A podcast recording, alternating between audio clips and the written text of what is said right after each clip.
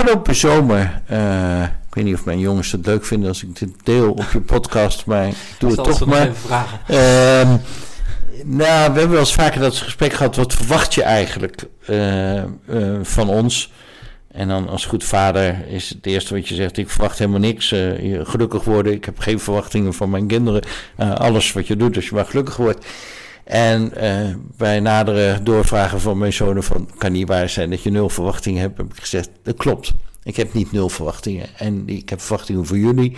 en eigenlijk ook voor al je leeftijdsgenoten. Voor jou, Marnix, en, en voor, voor uh, al je collega's uh, in dezelfde leeftijdscategorie. En dat zijn eigenlijk drie verwachtingen. De eerste verwachting die ik heb is... pak het cadeautje uit. En wat ik daarmee bedoel je hebt je lichaam, je hebt je hoofd maar één keer gekregen, behalve als je in reïncarnatie gelooft. Maar je hebt je maar één keer gekregen. Pak het uit, kijk wat erin zit, kijk wat de mogelijkheden zijn die je hebt met je eigen hoofd, met je eigen lichaam, met wie je bent. Wat voor competenties heb je, wat versterktes heb je. Exploreer het, vind het uit, vind uit wie je zelf bent. Dat is één. Twee, kijk om je heen naar de wereld, buiten jezelf. En kijk wat je beweegt, wat je boeit, uh, wat je uh, harder doet lopen, waar je warm voor wordt, uh, um, enzovoort.